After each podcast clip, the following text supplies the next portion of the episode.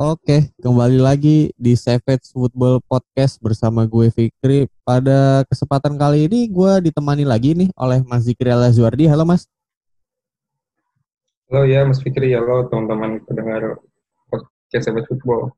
Iya, kita kali ini bahas ini dulu ya Mas ya. PSG lawan Atalanta nih, laga yang cukup dramatis ya. Di mana Oke, oke. gue lihat nih Iya, iya, iya. Banyak sekali nih Mas fans-fans Atalanta KW nih yang baru nonton Atalanta beberapa cuma dukung-dukung doang gitu kan. Mereka pada jago iya, iya. Atalanta gitu. Tapi kita di sini bukan mau bahas itu, tapi kita bahas secara lebih taktikalnya. Nah, Mas, ini kan mereka berdua nih eh, dua tim yang sama-sama mencetak paling banyak gol di liganya masing-masing nih.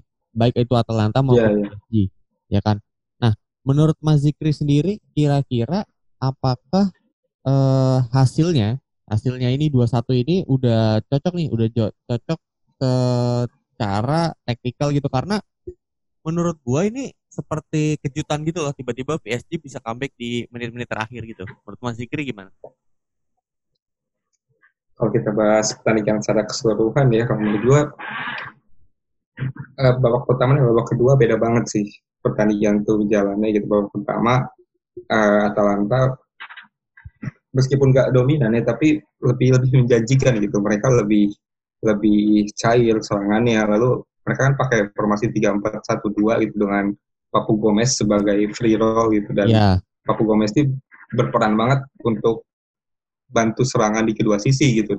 Eh, di menit 10-11 gitu ada peluang dari Hans Hatubor ya back sayap kanan Atalanta yang di overlap lalu eh, Gomez ini kasih umpan silang gitu terus akhirnya Hatubor bisa free header gitu cuma akhirnya masih di, di save sama Navas sih. Dan Iya.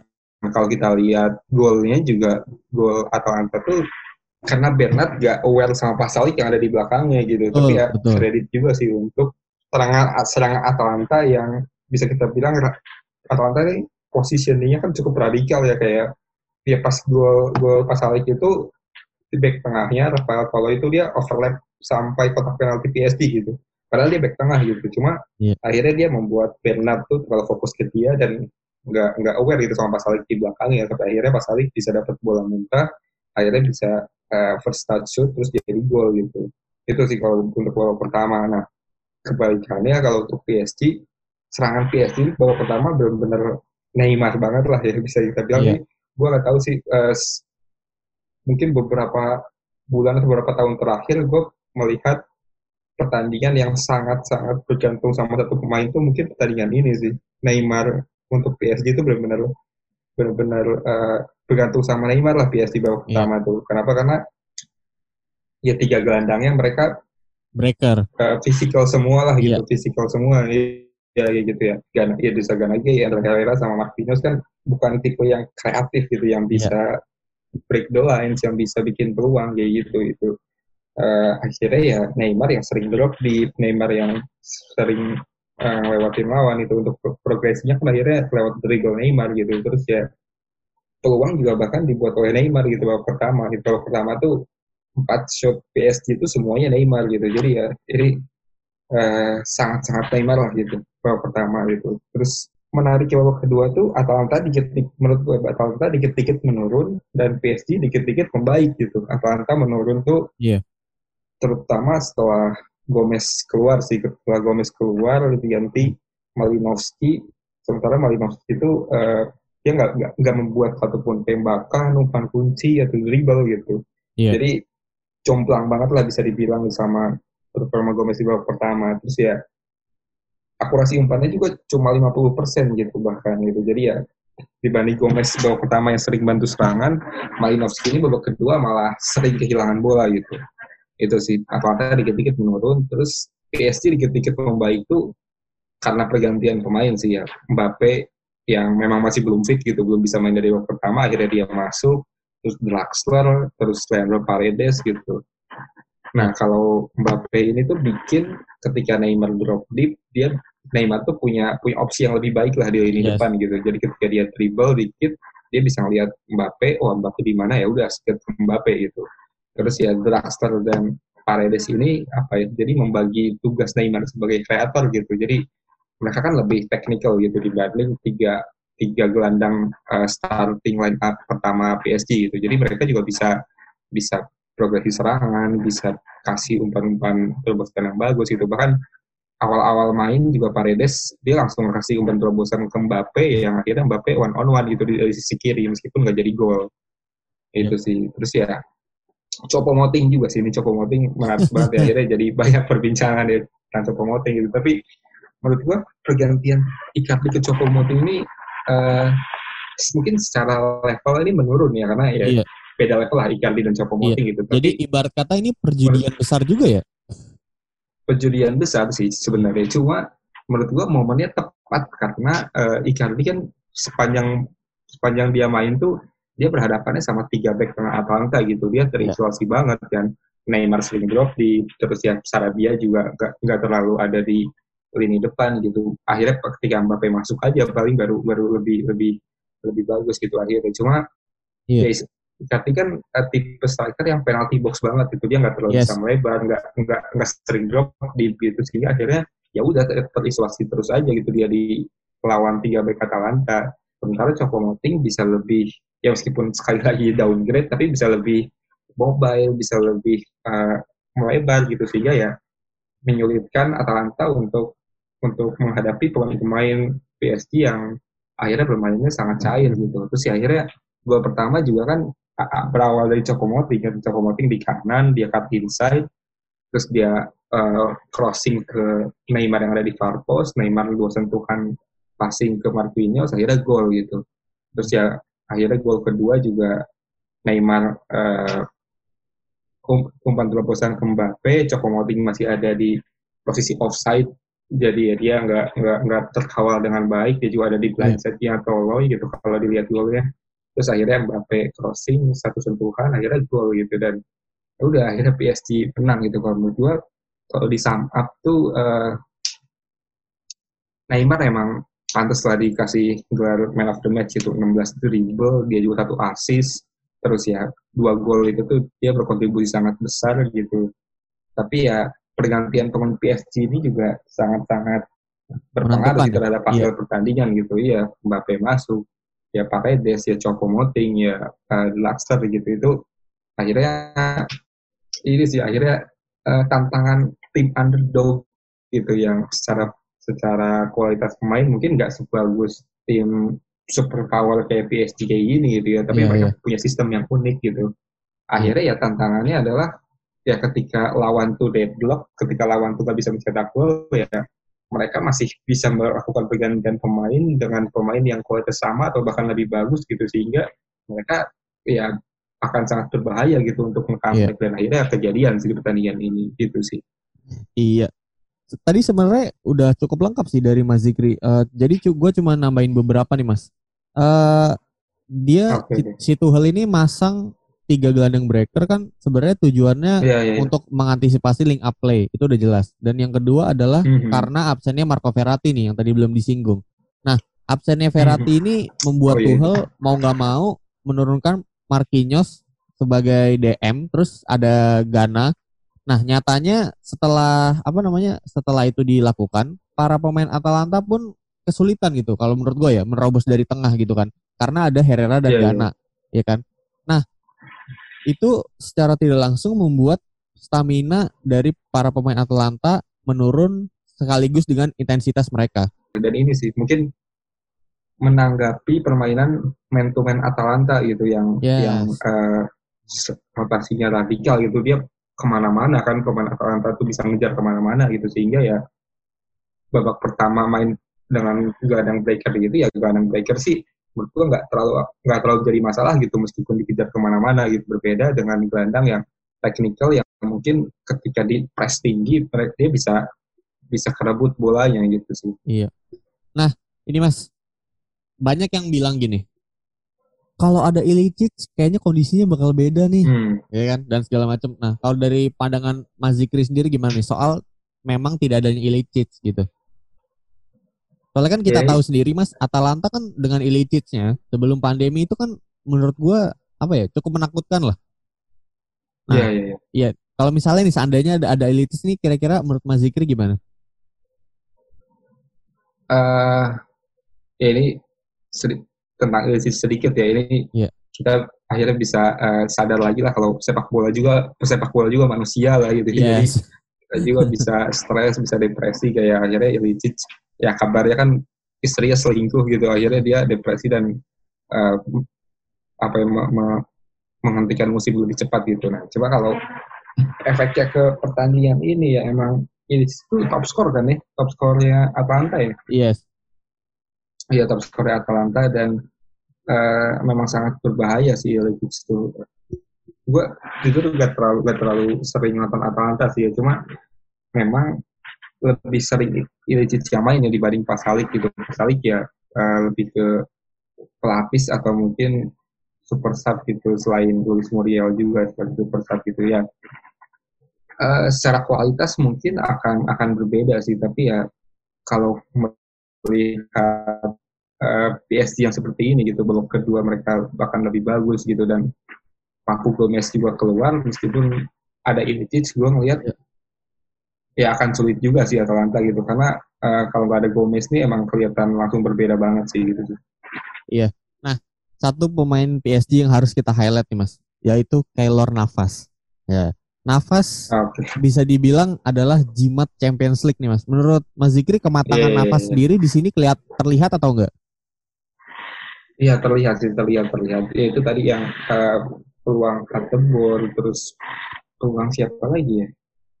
Nafas bikin beberapa kali ya yang bikin yeah. save bagus dan menurut gua itu bukan cuma sekedar refleks gitu tapi dia juga positioningnya bagus terus ya dia bisa melihat lawan orang akan melakukan syuting gitu sehingga dia udah mempersiapkan diri untuk bikin save gitu dan itu ya pengalaman sangat berbicara banyak lah untuk untuk yeah. uh, perform seimpresif itu gitu meskipun akhirnya dia cedera dan uh, sempat gak mau diganti juga ya dia ya iya yeah. iya kan ya yeah. kayak ya kayak Kepa gitu cuma gua kalau melihat uh, melihat pemain yang kayak gini gitu yang nggak mau diganti meskipun dia cedera dia tetap pengen main tuh plus minus sih bagus nggak bagus itu ba yeah. bagusnya karena ya ya dia akhirnya melawan pelatih lah bisa dibilang gitu pelatih pengen dia diganti tapi dia nggak mau diganti gitu cuma bagusnya yeah. adalah ya ini jauh lebih bagus ketimbang pemain yang mainnya asal-asalan gitu ya apa yeah. dibanding pemain yang nggak kerja keras yang malas-malasan di lapangan mendingan pemain yang kayak gini gitu dia mau main meskipun uh, dia cedera gitu meskipun pelatih pengen dia diganti gitu ya. Menurut gua ini ya ambisi Keller Nafas sih karena Keller Nafas sih punya ambisi yang besar dan ya ambisi-ambisi dia dulu juga akhirnya berbuah banyak gelar gitu bersama Real Madrid dan ya ini sangat berpengaruh sih. Dan ya menarik juga sih nanti di di fase selanjutnya gimana Keller Nafas bisa bisa jadi pemain kunci juga gitu untuk PSG di Champions League ini. Oke, mungkin segitu dulu aja pembahasan laga ini. Nanti mungkin kita akan bahas laga-laga lain. Tetap dengerin terus Save Football Podcast. Sampai jumpa di pembahasan laga lainnya.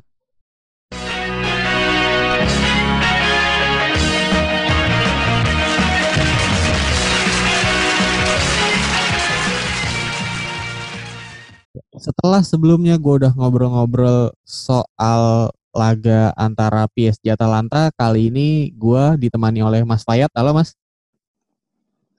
Halo, halo. Iya, kita akan ngobrolin laga Leipzig kontra Atletico nih. Ya kan, ini benar-benar di luar prediksi gue.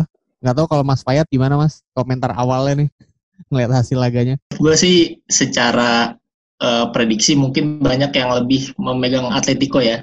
Hmm. Karena ketika kita lihat di babak sebelumnya juga mereka menyingkirkan juara bertahan dengan cara yang cukup uh, fenomenal gitu. Sementara uh, Leipzig juga uh, performanya akhir-akhir ini di liga uh, cenderung biasa saja gitu. Terus juga ditinggal top skor tim Timo yeah. Werner kan. Hmm. Tapi kalau dilihat dari pertandingannya memang Leipzig itu betul-betul mendominasi ya, bukan cuma mendominasi penguasaan bola tapi benar-benar mendominasi permainan gitu. Iya, setuju. Uh, mereka menciptakan banyak peluang gitu terus benar-benar membatasi permainan Atletico lah. Iya. Uh, Oke, okay. kita pertama jabarin dulu nih mas strategi kedua tim ya.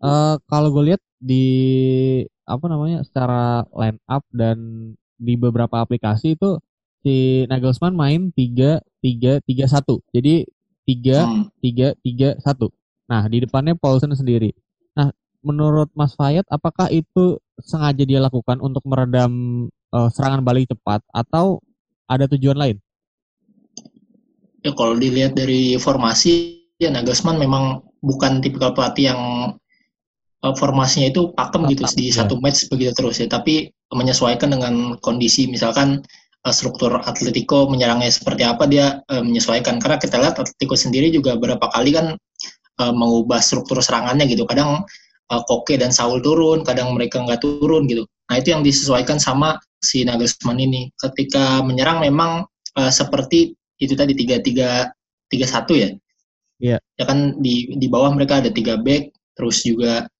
uh, si Kampel menjadi pivot atau pemain nomor 6 sementara terus ada ditemani oleh di tengah ada Sabitzer, ada Nkunku sama Olmo. Sementara Leimer dan uh, Hasenberg ya sorry Angelino itu jadi wingback ya kanan kiri. Yeah. Terus uh, Paulsen sendiri di depan. Nah ini menurut gue sendiri ya sebetulnya formasi Leipzig ketika menyerang ini sih yang jadi kunci gitu karena uh, kalau tadi gue sempat lihat beberapa ada juga yang menganalisis bilang Leipzig itu main formasi 3-1 5-1 gitu. Jadi tiga back satu okay. main uh, gelandang bertahan, tiga gelandang tengah. Nah, tiga gelandang tengah ini yang uh, cukup cair gitu bergerakannya. Misalkan si Campbell ini di press atau nggak ada opsi, salah satu bakal turun gitu. Jadi tiga dua empat satu gitu. Terus misalkan uh, misalkan juga opsinya susah kalau gitu uh, tiga ini bisa berubah jadi diamond gitu. Jadi satu uh, di bawah si siapa Kampel terus Sabitzer dan Kunku agak melebar gitu. Sementara di atasnya ada si Olmo gitu ya. Tapi uh, balik lagi kalau menurut formasi ini bukan suatu yang diperdebatkan berapa berapanya gitu tapi harus dilihat gimana iya. dampaknya di di lapangan. Kalau dilihat dari situ kan uh, Leipzig punya keunggulan lah di tengah gitu dibandingkan 4-4-2 nya Atletico gitu kan dia punya tiga pemain bandingkan dua pemain CMF-nya Atletico gitu kan Betul. berarti dia unggul tiga versus dua gitu. Betul. Uh, itu kalau, itu benar. Kalau di iya. Terus di hmm. samping juga kalau di samping mungkin dia agak kalah ya karena cuma ada satu wingback tapi yes. satu wingback ini juga didukung oleh pergerakan yang dinamis dari back tengah terdekat dan gelandang tengah terdekat. Iya. Mungkin yeah. segitu sih kalau dari informasi iya. uh, Leipzig ya. Soalnya gini mas, uh, menurut gue secara pribadi cara mengalahkan Atletico itu ada dua yang pertama yaitu mengalahkan mereka di tengah atau meng, istilahnya mengobrak-abrik mereka dari tengah atau menggunakan sosok striker atau penyerang yang sangat ahli di dalam kotak penalti gitu. Itu yang biasa dilakukan oleh Real Madrid ketika masih ada Ronaldo dan Barcelona dengan Messi-nya gitu yang selalu main dari tengah. Nah, ini uh, di match ini menurut gue Nagelsmann tuh sedikit belajar dari dua dua kemungkinan cara mengalahkan Atletico itu akhirnya mereka uh, bermain yang cukup rapat ya menurut gue ya. Jadi apa hmm. para pemain Atletico ini sulit untuk merebut bola. Nah, kita pindah dulu nih ke Atletico. Menurut Mas Fayat, apakah strateginya ini benar-benar uh, apa ya salah gitu apa sa salah atau mereka kurang bersemangat gitu karena kalau yang gue lihat Atletico ini seperti ini mas kehilangan gairah mereka untuk benar-benar menang gitu dan ini kan nggak bisa dijelaskan dari segi taktikal gitu menurut Mas Fayat gimana? Ya kalau uh, gue sempat baca beberapa kutipan wawancara pemain Atletico pasca pertandingan ya terutama pemain tengah seperti yeah. Koki dan Saul gitu. Mereka benar-benar bilang kalau uh, rep, apa Leipzig itu benar-benar dominasi gitu. Mereka susah ngerebut bola, mereka susah bisa nge-pressing lawan karena lawan yeah. tuh benar-benar selalu punya opsi gitu. Yeah. Dan ini yang menurut gue mungkin uh, kalau salah taktik atau apa ya mungkin uh, uh, si Simeone punya pertimbangan tersendiri lah kenapa dia pakai formasi ini, kenapa misalnya pemain yang diturunkan ini, ini, ini itu form, uh, pertimbangannya ada faktor lain. Tapi menurut gua memang uh, satu absennya beberapa pemain mungkin berpengaruh ya, seperti Arte kan. Yeah. Arte kita tahu uh, perannya penting gitu di lini tengah Atletico. Yeah. Dia bukan cuman sebagai apa ya, sebagai pemutus serangan atau bagaimanapun, tapi benar-benar benar-benar penting gitu lah perannya buat uh, mencegah lawan bisa mendominasi di tengah gitu.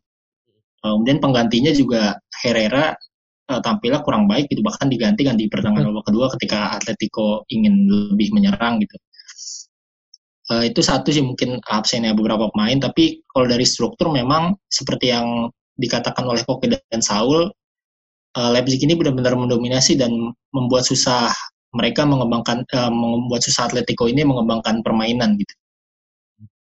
Iya, ini juga satu pemain nih mas yang harus kita kasih highlight yaitu Oblak. Oblak segitu keserangnya atau memang dia lagi underperform? Ya kalau Oblak sebetulnya eh, peluang yang didapat Leipzig itu benar-benar peluang yang bisa dibilang bersih lah kalau dilihat dari golnya kan. Ya. Uh, kalau gol yang pertama itu sundulan yang apa ya uh, si Olmo itu cenderung free dan memang situasinya si Oblak kurang menguntungkan gitu. Terus juga kalau gol kedua kan jelas di flag ya. Kalau gue sendiri melihat Oblak tuh nggak benar-benar melakukan suatu blunder atau apa yang merugikan tim gitu ya. Jadi penampilannya ya bisa dibilang standar-standar aja gitu. Meskipun meskipun nggak bagus-bagus amat gitu kan. Nah ya tadi kebobolan dua dan meskipun itu kebobolannya memang gol yang bisa dibilang apa ya susah gitu untuk seorang kiper menyelamatkan bola-bola seperti itu gitu.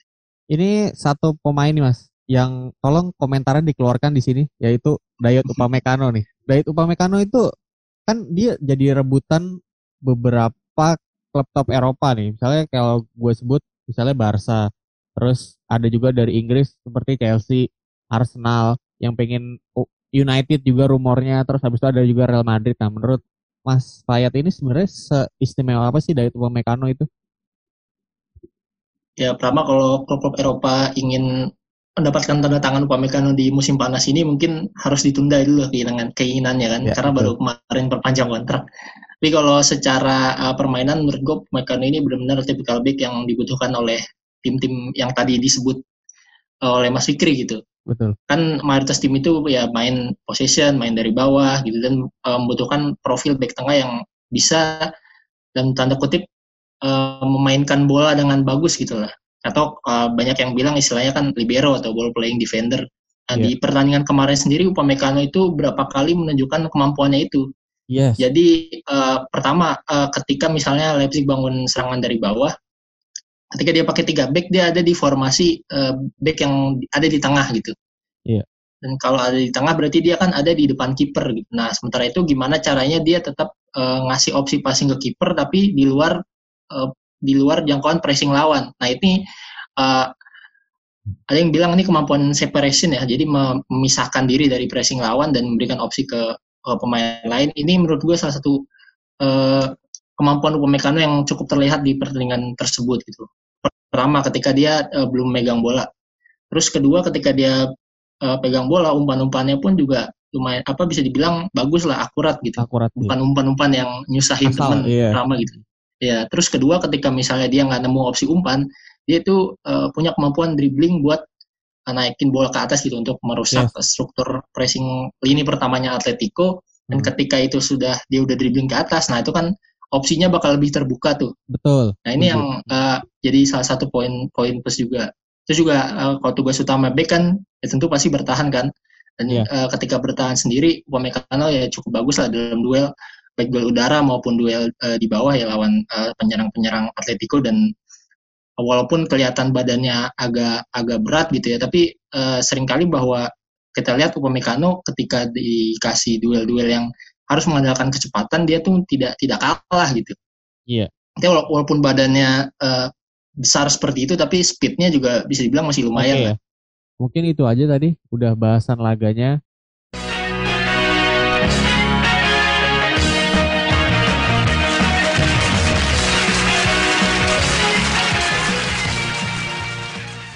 Halo semua pendengar Seven Football, balik lagi sama gue Fikri di sini. Kali ini gue kedatangan tamu spesial dari fanbase Indo Barca, presidennya langsung yaitu Mas Satria. Halo Mas. Halo, apa kabar? Baik nih, gimana nih Mas? Aman gak nih setelah laga lawan Munchen nih? uh, kalau kita ngomong laga lawan Munchen sih mungkin gini, apalagi uh, pasca pertandingan, pikir langsung mengeluarkan statement Eh, kita perlu merubah secara struktural klub dan dia juga tidak keberatan jika menjadi bagian dari perubahan total yes. dari klub tersebut. Nah, hmm. terlepas apakah itu terkait pemain atau pelatih atau semua, hmm. mungkin itu memang yang harus dipikirkan. Kalau yeah. saya sih realistis aja sebetulnya memang saat ini Barcelona memang kurang mumpuni uh, performnya juga lagi down banget yes. secara tapi kita kalau apalagi kita sempat melihat uh, bukan melihat berita pun juga mendengar desas-desus terkait internal tim di boot room, Hmm. juga beberapa attitude pemain. Hmm. Belum lagi kalau kita ngomong fisik ya, Ya. kita lihat Suarez sampai salah Iya. satu fanbase, salah satu eh, akun sosmed yang cukup besar itu Iya. sampai bilang our big whale, eh, paus Iya. besar kita. Iya. Apalagi yang udah buncit gitu tuh. Betul, ya betul. ya kan nah Iya. maksudnya kita juga eh, belum lagi eh, kita semakin sini melihat dominasi Messi terhadap internal klub cukup signifikan Oke. apalagi dia sempat digambarkan berantem sama Griezmann terus menentukan siapa pemain yang bisa yang bisa bermain dengan dia di tim. Yes, yes. tidak ada pemain yang lebih besar daripada klub itu sendiri Betul. buat saya ya oke kita mungkin bisa sepakat ya sama itu Ya. terkait terkait Messi adalah gini Messi punya rasa eh, balas budi ke Barcelona kita Betul. pernah tahu berita ketika Messi pernah ditawarkan ke Real Madrid ke akademinya Mm-mm. ditolak karena dianggap eh, punya cacat Tidak ada tidak akan ada perkembangannya gitu katanya. Em, perkembangan tulangnya amat sangat lambat Iya. Akhirnya eh, kalau nggak salah Carlos Reza waktu itu yang salah satunya yang berjasa akhirnya masuk ke dia ke akademi La Masia Hmm. dibantu La Messi perawatan ya mungkin itu salah satu akhirnya itu kita ngomong ke flashback ya ke sejarahnya Messi. Nah itu mungkin itu. Terus ketika Messi semakin ke sini adalah ada beberapa pemain yang bisa meredam prioritas Messi di klub Oke. kemarin tadi kok ah, tadi kok nggak salah eh, sempat saya baca artikel eh, mengenai semenjak Messi menjabat kapten di tim setelah eh, Andres Iniesta dan Andres eh, pindah klub karena tidak ada perpanjangan mungkin ya atau dia tidak mau memperpanjang di Barcelona. Nah, itu kita mulai melihat beberapa perubahan. Nah, mungkin seharusnya jadi gini pelatih manajemen juga seharusnya bisa meredam ego superioritasnya Messi. Seharusnya ya. Pun juga ada pemain-pemain juga apalagi kok nggak salah Pique juga satu angkatan kan sama Messi di La Betul. Masia nah itu. Mungkin seharusnya sih Pique. Pique ini juga kadang-kadang ya ada bengalnya juga sih. Tapi dia tidak terlalu yang eh yang Bosi, tidak terlalu bosi gitu ya. Gak, Ya, terlalu banyak betul. ngatur-ngatur gitu ya. Kalau Pique itu kalau menurut Nah, saya iya, sih benar. lebih lebih apa ya? Lebih sering nyeleneh di sosmed gitu ya. Makanya dia mungkin sering Nah, dapat sorotan itu itu ya. Iya. ya Apalagi kan eranya era kan, sosmed. Nah, iya, apalagi sampai ada, oh oke deh, uh, next president is PK, nah, seperti Hmm. itu kan. Nah, Yes. nah, mungkin itu. Jadi mungkin itu buat saya sih ada pengaruh Messi. Satu lagi, Hmm. Messi terlalu dimanjakan oleh klub. Messi pernah bilang bahwa saya tidak pernah meminta kenaikan gaji, tapi siapa yang tidak mau Oke. ditawarkan? Betul, Iya, betul. kan? Kamu nafik lah ya, Iya. Mas. Ya munafik, iya. Iya. Dia, dia apalagi kalau kita ngomong balas budi, kita kita kita memur, kita secara psi- psikologis klub kita bisa memainkan itu terhadap Messi. Seharusnya ya, Yes. seharusnya. Tapi klub kan nggak melihat seperti itu. Melihat Messi itu adalah aset spesial yang harus betul-betul dijaga. Kita kalau nggak salah eh, buyout klausulnya Messi itu udah berapa ratus juta euro kan? Iya, saat paling itu tinggi, kan? 700, iya, 700 sudah. 500 atau berapa Lebih, udah iya. istilahnya udah nggak nggak nggak masuk akal ya kan. Iya. Nah, nah. Nah, nah itu seperti itulah dan maksudnya itu karena juga dari kesalahan dari manajemen itu buat saya adalah sejak saya bukan bukan eh, pemuja Laporta juga, tapi Oke. di saat eh, saat Laporta pun dia bisa bagaimana time, mengulur timing untuk perpanjangan kontrak menyesuaikan. Oke. Di situ mereka memain dia memainkan psikologis terhadap Messi. Mungkin yang saya lihat seperti itu. Oke, Mas. Oke. Itu sih. Ini ah, tadi ada kabar mengejutkan, nggak tahu sudah benar-benar resmi atau belum. Pas kita tag Setian ini. dipecat. Yes, betul. Nah, gini Mas, gini sebelum sebelum saya tanya suatu pertanyaannya, saya mau ngomong dulu. Kan sebenarnya Setien ini adalah seorang Cruyffista. Dia adalah seorang pengagum Johan Cruyff. Dari dia di Yes. Las Palmas, dari dia di Real Hmm. Betis, dia udah selalu Betis. mengungkapkan hal hal itu, gitu kan. Tapi mungkin beda nih Mas, mengidolakan dengan menerapkan gitu kan. Itu suatu hal yang berbeda nih. Hmm. Dia dia bisa mengidolakan tapi belum tentu menerapkan permainannya nih. Nah, apakah menurut Mas Satria dengan dipecatnya Setien dan nanti datangnya pelatih baru ya, entah itu siapa pun, apakah itu akan memperbaiki Barca gitu? Maksudnya kan kalau menurut saya pribadi, kayaknya itu belum tentu akan selesai dengan ganti pelatih gitu. Kalau menurut Mas Satria gimana? Mungkin saya sepakat dengan Mas Fikri. Hmm. Mas Fikri kan sempat balik bilang, belum tentu bisa merubah kondisi Barca Ya. kan? Iya betul. Nah, tadi sudah saya bilang kita harus melihat kondisi ego pemain Hmm. di tim. Nah, kita lihat zaman Pep habis itu eh, almarhum Tito Villanova, yes. ya. Habis gitu Enrico pun, Luis Enrique pun masih sempat bisa ya bisa lah mengatur akhirnya dia juga bisa membawa Barca juara champion juga kan. Pelatih ini mampu meredam ego pemain-pemain atau merega- meredam ego tim. Itu jadi ya seperti, seperti saya bilang tadi ego pemain ini atau paling enggak ada pemain yang bisa meredam. Kalau Pique mau mungkin seharusnya Dia bisa ya, jadi leader ya, dia bisa jadi Pique. leader. Ya, ya. Kalau saya sepakat malah gini. Saya sepakat seharusnya yang jadi kapten itu adalah Pique. Oke. Tadi ada satu orang yang sempat disinggung, yaitu Joan Laporta. Nah, karena Hmm. kan tahun 2021 ini kan pelantikan presiden baru Barcelona nih Mas. Ini yang penting sekali untuk Hmm, untuk saya pemilihan. tanyakan. Ya, eh, Bar- Bartomeu sudah dipastikan tidak akan mencalonkan lagi, tapi kemarin sempat Hmm. mengutus salah satu calon yaitu Emile Rosat, tapi akhirnya nggak jadi. Hmm. Rosatnya pun nggak Hmm. mau gitu kan, karena ini ini bebannya udah berat sekali gitu kan. Terus habis itu nanti muncul dua nama terkuat nih mas, yaitu Laporta dan Victor Fon nih. Kalau Mas Satria sendiri lebih condong ke Victor Fon atau Laporta? Jadi kita kalau mau sih harus menyesuaikan dengan yang baru. Baru Oke. tapi yang memang punya Punya visi yang jelas yang ya. baru adalah perubahan yang visi yang jelas, misi, terus Hmm.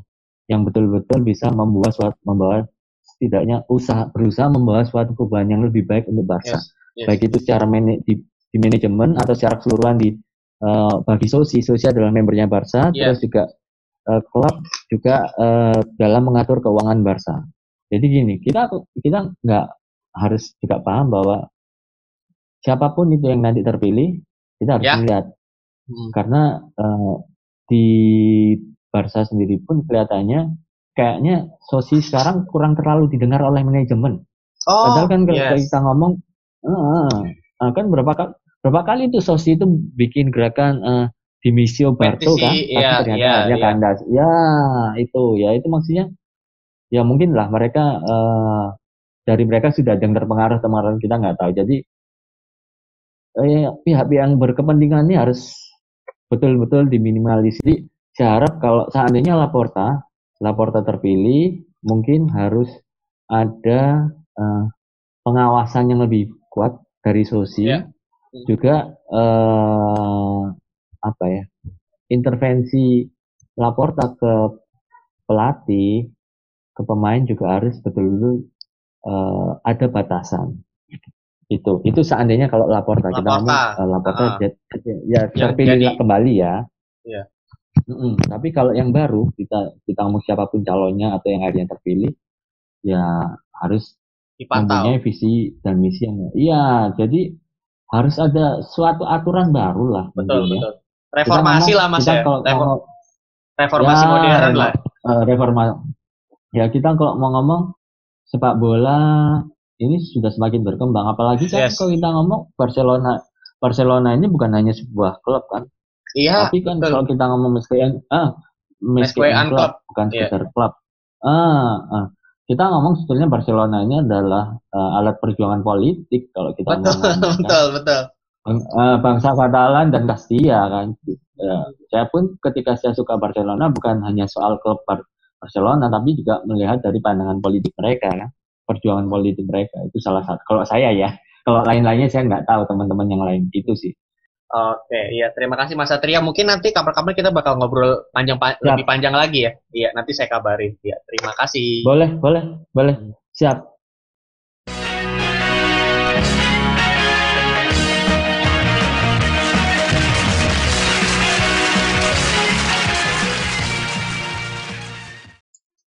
Halo teman-teman semua, kita sudah sampai di laga akhir yaitu Manchester City kontra Lyon.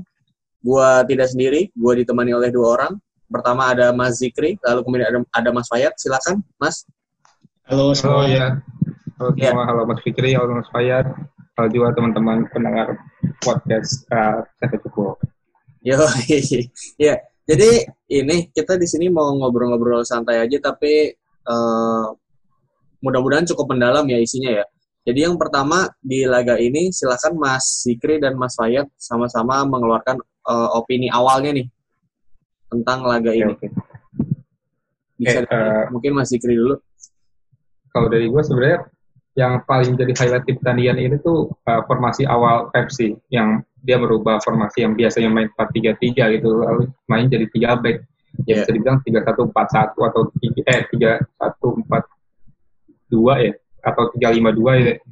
Cuma yang pasti dia pakai 3 back dan eh, setelah gue nonton interviewnya juga kita interviewnya dia bilang itu buat buat menutup kekurangan dia dan respect sama kelebihannya Lyon gitu. Karena Lyon pakai dua striker dan bisa menyerang dua back dengan baik gitu. Cuma yang gue lihat adalah ya hasilnya sih nggak nggak bisa bilang nggak bagus gitu. 55 menit sama mereka main pakai tiga back itu sebelum Mahrez masuk ya secara bertahan menurut gue nggak nggak nggak benar-benar nggak benar-benar menghasilkan juga karena akhirnya mereka kebobolan juga gitu. Akhir lewat awalnya long ball eh, dari kiri terus ya akhirnya dapat ruang juga terus bola muntah dimaksimalin sama Hornet gitu. Cuma ya kelihatan kalau sebenarnya defense juga masih bermasalah gitu dengan akhirnya eh, terjadi gol itu. Dan di awal-awal pertandingan juga beberapa, beberapa kali dia mereka gagal menghalau long ball juga sih gagal menghalau direct ball juga gitu dari Lyon gitu. Jadi menurut gua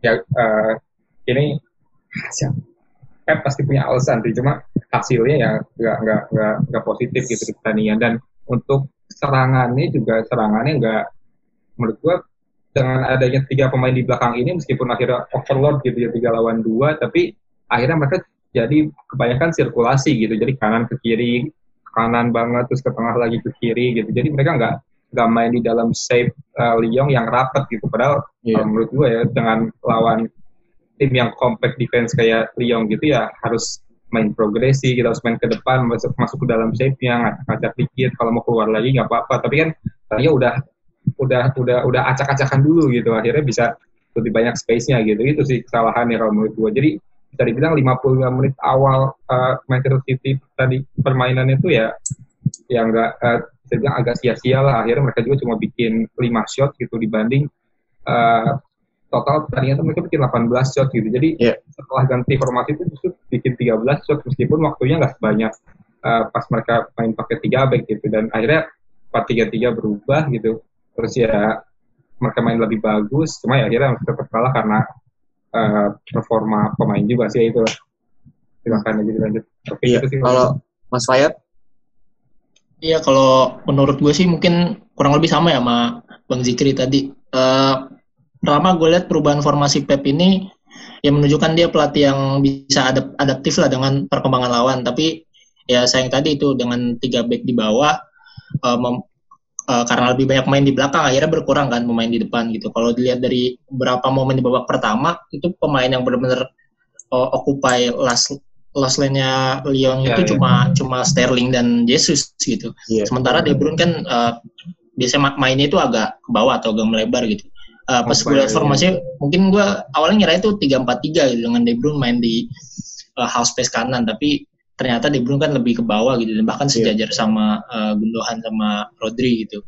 Terus di bawah juga eh, sebetulnya eh, Lyon dengan pressing dua striker itu masih dapat akses ke tiga pemain eh, bertahannya City gitu. Jadi eh, walaupun mereka nggak terlalu engage, tapi setidaknya bisa menutup area sentral. Terus kalau dibilang dia bikin overload juga, kadang-kadang Awar itu naik kan, ah iya itu Iya. awal tuh Diajar naik sama, tuh sama Ekambi dan Depay gitu buat menit-menit sepuluhan lebih Iya. tuh ya awal mulai naik tuh dia, Biasanya dia kan, naik sambil cover shadow juga Iya, ya cover dia shadow naik. pada Bruyne juga ya naik eh, pressing si Fernandinho kan RCB-nya City iya iya iya sambil eh, cover shadow De Bruyne di belakangnya. Terus juga Nah, itu. eh, back back tengah kirinya itu Marshall Marshall juga ikut naik gitu buat eh, buat pressing ke De Bruyne. Jadi intinya opsinya City itu tertutup gitu walaupun dia pakai tiga pemain di belakang buat eh, menciptakan eh, overload. Terus di depan juga babak pertama dia ada beberapa kali momen dari Cancelo ke Sterling.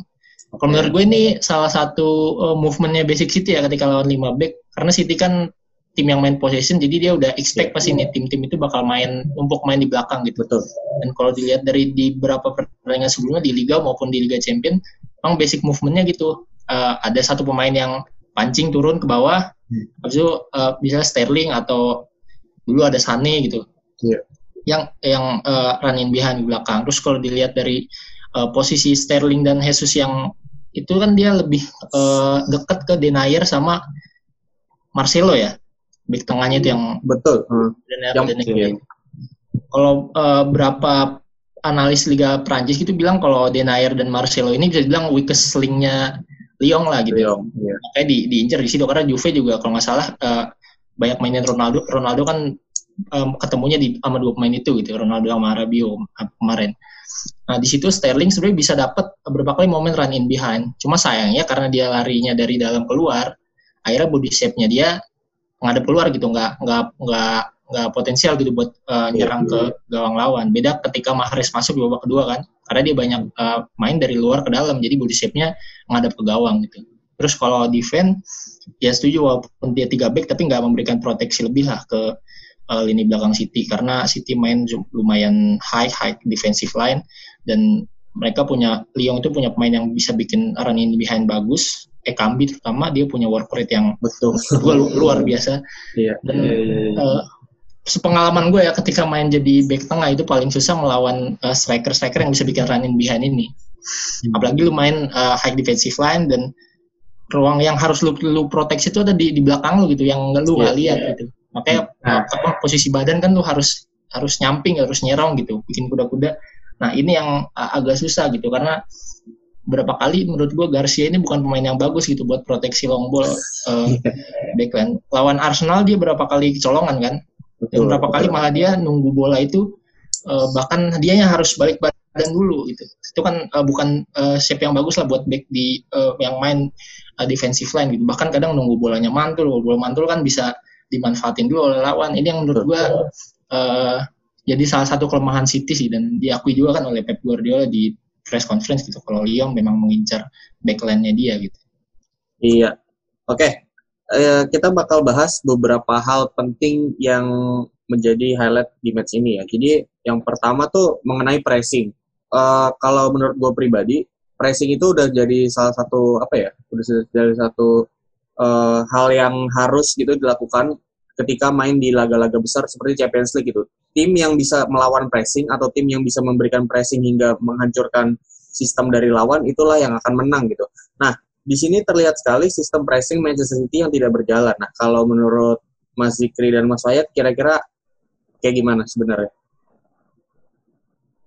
kalau kalau dari gue sebenarnya melihat Lyon tuh simpel aja sih kayaknya maksudnya Lyon tahu gitu ya eh, City high pressingnya bagus banget gitu terorganisir gitu menutup ruang opsi cover juga dan lain-lain dan di pertandingan sebelumnya kan emang eh, salah satu kunci kemenangan City juga pressingnya kan sehingga ya Iya. bikin Varane eh, blunder juga gitu. Dan ya mereka eh, kalau menurut gue sih gak nggak neko-neko lah gitu. Ya udah nggak usah nggak usah main di belakang gitu long ball long ball aja. Kalaupun goal kick over ke back juga nggak akan nggak akan terlalu lama di back. Bahkan langsung long ball atau ke back sayap balik lagi ke back tengah long ball kayak gitu. Jadi ya apa ya bisa bilang ya City juga eh, pas udah agak tengah-tengah pertandingan tuh mereka akhirnya tetap tetap tinggi sih sebenarnya si pressingnya. Cuma inten- intensitasnya udah udah nggak tinggi lagi kalau menurut gua ya. Karena ya mereka juga mungkin agak percuma juga gitu mereka high pressing tapi ya Lyonnya mainnya ya simpel aja long ball aja long ball gitu long ball. Gitu sih. Mas Wayat? Eh, ya kurang lebih sama ya karena eh ya buat apa lu pressing kalau lawannya main long ball? Nah, gitu kan. Ya mending lu compact compact di belakang gitu kan. Eh, da- ketika dapat second ball lu bisa nyerang balik. Itu juga sih eh eh, backnya Lyon juga eh, berada di luar akses pressingnya dua striker ini kan si Jesus dan eh, Sterling gitu. Sterling. karena mereka cukup stretch dan ya itu tadi nggak nggak terlalu banyak main di bawah sirkulasi sedikit langsung eh, progres ke depan gitu.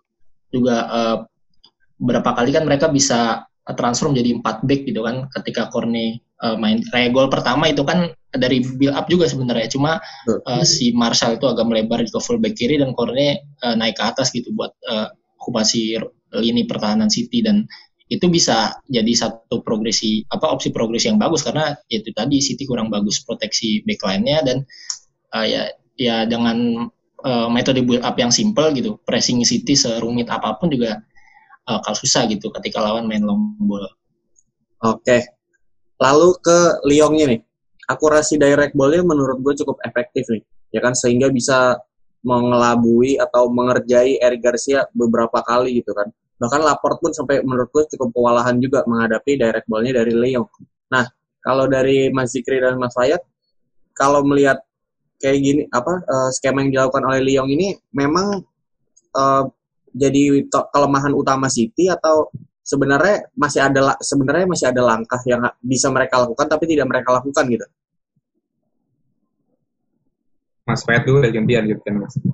Okay. Ya kalau apa uh, build-up-nya Lyon ya kalau menurut gue memang itu memanfaatkan kelemahan City sih karena ya sebetulnya sejujurnya nggak nggak begitu banyak uh, pemain bertahan yang bisa main high defensive line kemudian dihajar dengan long ball seperti itu kan karena ide awalnya high defensive line itu kan buat pressing tinggi gitu bukan yeah. buat uh, pressing bola-bola long ball kayak gitu uh, cuma menurut gue back tengah yang kuat di uh, duel-duel gitu mungkin modelan Virgil van Dijk atau Sergio Ramos itu yang yang benar-benar berpengalaman gitu. Kalau menurut gua itu sih yang uh, menjadi salah satu kunci Lyon bisa sukses dengan long ballnya bukan cuma akurasi dari bawah tapi memang defensive line-nya City itu uh, kurang bagus betul buat antisipasi bola-bola tersebut. Gitu.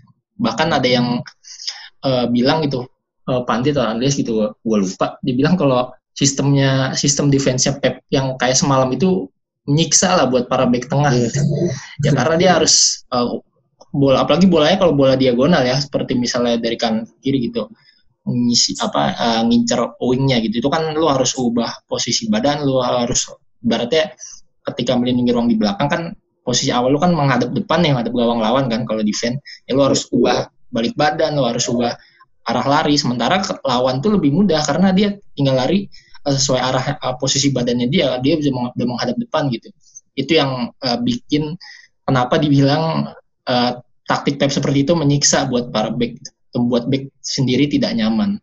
Mungkin itu sih kalau gue uh, kalau dari gue tambahannya kalau menurut gue ketika uh, Leo main long ball ini tuh jadi apa uh, rencana Pep untuk mengoverload uh, striker Lyon tuh nggak terlalu nggak terlalu berfungsi gitu. Karena kalau menurut gua kalau long ball itu ya meskipun baik yang menang jumlah pun belum belum memastikan bahwa mereka bisa mengantisipasi long ball dengan baik gitu. Karena ya yeah. gol pertama juga uh, Ekambi ya yang yang dapat dua terus akhirnya tackle Garcia Ekambi ya iya uh, iya. Ya, iya kan? dua satu oh iya. Nah itu ya kan dia ya itu running behind. Dan gue meng-highlight juga yang tadi Mas Fayed bilang main sebagai back ya susah untuk uh, antisipasi run inbound dan ini kebalikannya kalau gue sering main jadi striker gue hobi banget tuh run inbound karena memang uh, lawan tuh ya mereka harus lihat bola iya harus, harus lihat bola harus belakangnya lihat iya. ya.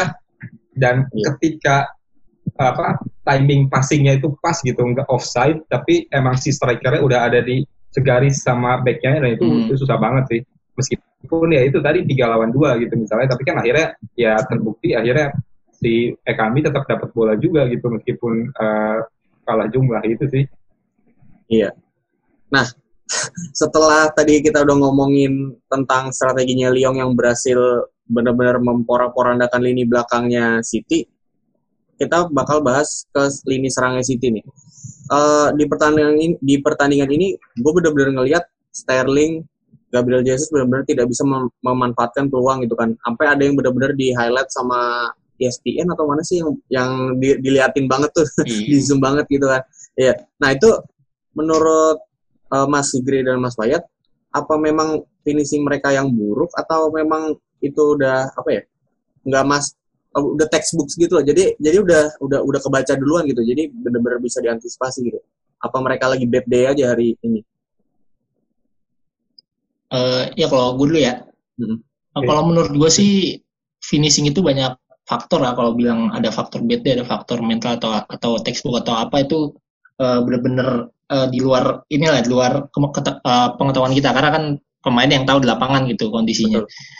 Nah, tapi uh, kalau gue lihat sebetulnya eh, City sebenarnya bisa bikin expected goal lebih tinggi gitu dibanding Lyon gitu. Ya walaupun uh, menurut gua nggak nggak semua peluang City itu benar-benar peluang bersih gitu. Menurut gua yang benar-benar peluang bersih itu cuma yang Sterling miss di uh, menit-menit akhir yang sebelum kebobol akhirnya serangan balik terus kebobolan. Iya. menurut gue sih itu yang benar-benar ini sih. Uh, karena memang kalau dibilang textbook sebenarnya uh, City itu kan dengan uh, pola seperti itu sebenarnya udah udah dilihat juga oleh Lyon gitu uh, Sterling run in behind, kemudian pasti dikejar oleh back, dan kemudian pasti ada pemain yang muncul dari lini kedua, yaitu De Bruyne yang ke- kelihatan di gol gol City yang pertama. Dan juga banyak peluang di babak pertama kan dari cutback juga kan. Hmm. Uh, kalau dibilang finishing sih ya memang ada faktor faktor juga yang berpengaruh finishing yang buruk. Cuman gua nggak melihat itu sebagai salah satu yang benar-benar uh, berperan penting lah gitu. Ya memang finishing itu kan menentukan dia jadi gol apa enggak gitu kan. Eh, tapi kalau menurut gua memang secara permainan juga City kesulitan bikin peluang yang benar-benar bersih kayak dia biasa dominan dominan dia biasanya gitu. Menurut gua ya di luar peluang peluang Sterling yang menit-menit akhir itu. Oke, Mas Zikri. kalau dari gue emang eh, setelah pertandingan di Pep juga sempat bilang kalau ya soal soal missnya Sterling gitu ya ya ya emang eh, kita tuh harus perfect gitu di kompetisi kayak gini kompetisi yang eh, ke knockout kayak gitu ya. Ada peluang sedikit harus bisa manfaatkan gitu dan harus mengantisipasi lawan juga dan ya menurut gua kalau finishingnya buruk mungkin di pertandingan ini buruk gitu. Cuma gua nggak melihat finishing jadi masalah general City sih karena ya kita tahu City bisa mencetak banyak gol juga dan ya kayak Sterling juga bisa uh, 20-30 gol gitu mungkin musim ini gitu dan menurut gua udah udah udah oke sih sebenarnya. Dan babak kedua setelah ya tadi balik ke formasi 4-3-3 akhirnya uh, pemain di depannya lebih banyak bisa kombinasi juga bisa progresi juga dan ya akhirnya bikin banyak peluang sih. Dan cuma ya ya tadi sih itu kata Mas Payet juga banyak faktor sih akhirnya finishing akhirnya finishing buruk. Cuma ada ada satu lagi sih kalau menurut gua yang uh, crossingnya Sterling pas skor masih satu sama tuh ke ke Gabriel Jesus dan menurut gua Hmm. meskipun boleh agak susah tapi Jesus kan free gitu sebenarnya Iya iya iya.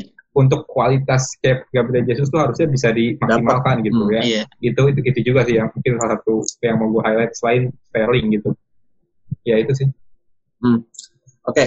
Nah, eh, satu hal terakhir yang harus benar-benar kita bahas yaitu memang seberapa compact defensif dari Lyon di match ini. Karena kan dia bakal ngelawan tim yang benar-benar produktif nih di semifinal nih. Kira-kira dia sekompak apa sih di match ini?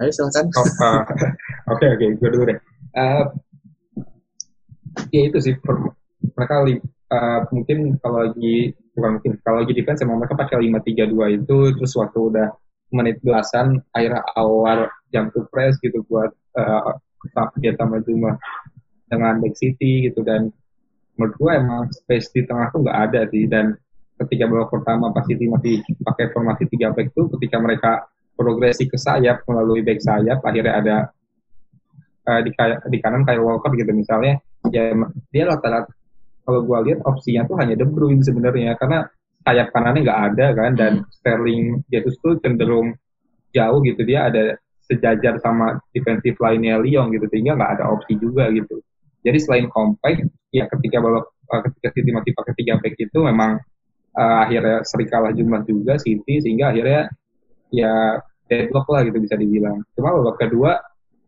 akhirnya kan bi- bikin banyak peluang tuh City dan tetap pasti gagal. Ya itu tadi yang finishing yang tadi kita bilang. Cuma yang mau gue highlight itu hard work terus work rate dan intelijen pemain-pemainnya sih. Gue pengen highlight banget Maxim Stakweret sih sebenarnya. Ini Yes. menarik banget sih pemain ini 20 tahun gitu baru breakthrough musim ini juga tapi dia dipercaya main di semifinal eh di perempat final. Terus sebenarnya dia tuh eh, apa ya yang paling gua salut tuh dia mengkompensasi kekurangan fisiknya dengan intelijen di lapangan itu. Dia kalau kita lihat tinggi badan berat badannya tuh 17463 gitu kayak Hmm. untuk ukuran orang normal Iya. aja bukan atlet itu tuh kurus gitu Iya. Tapi akhirnya dia uh, kayak mengkompensasi itu dengan hard work dan intelijennya gitu. Dia pas lawan Juventus kemarin juga dia ngecover 14 kilo dan paling banyak se, se- se- selama pertandingan itu gitu. Terus gol kedua juga gol kedua gol gol kedua Lyon kan awalnya dia yang mengintercept Intercept ya.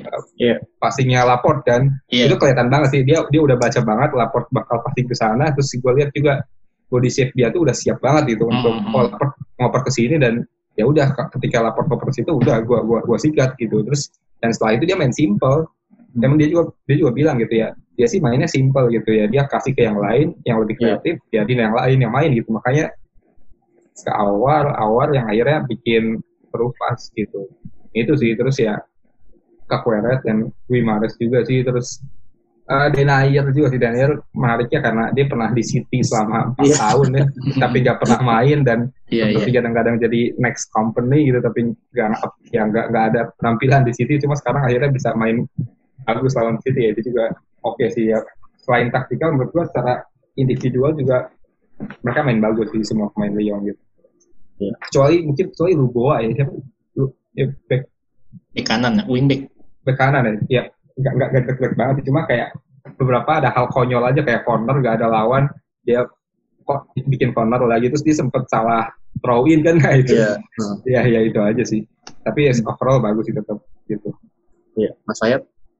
Ya kurang lebih sama secara taktikal lima back di belakang kan intinya banyak eh, punya pemain lebih lebih banyak lah di belakang gitu dan eh, ketika lihat pressing eh, Lyon di tengah itu benar-benar eh, dua gelandang nomor 8-nya si apa Kakuere sama Awar itu benar-benar orientasi ke eh, Rodri dan Gundogan gitu. Iya. Sementara satu lagi yang lebih lebih katakanlah dalam tanda kutip lebih free untuk cover area di ruang antar lini gitu.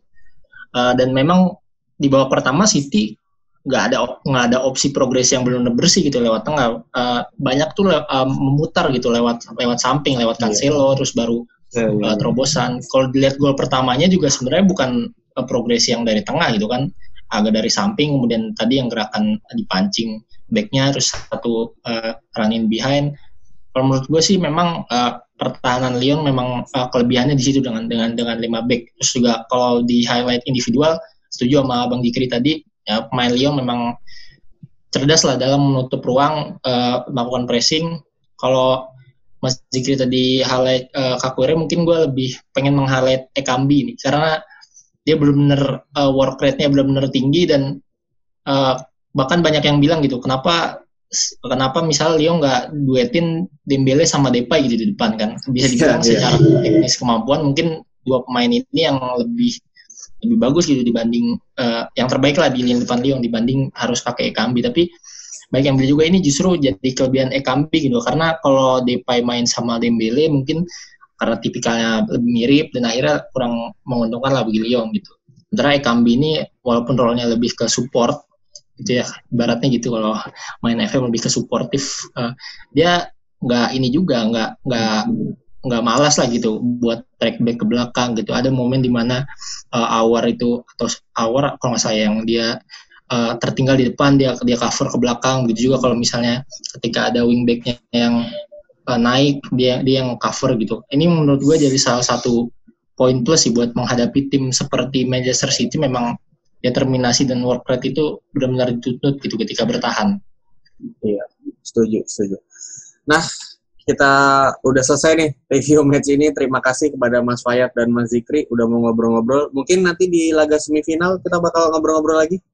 Wah, menarik Siap, menarik Iya, buat siap, ngelanjutin. Soalnya ini ada beberapa tim ya mungkin yang yang nggak nggak diduga-duga tiba-tiba masuk ke semifinal gitu.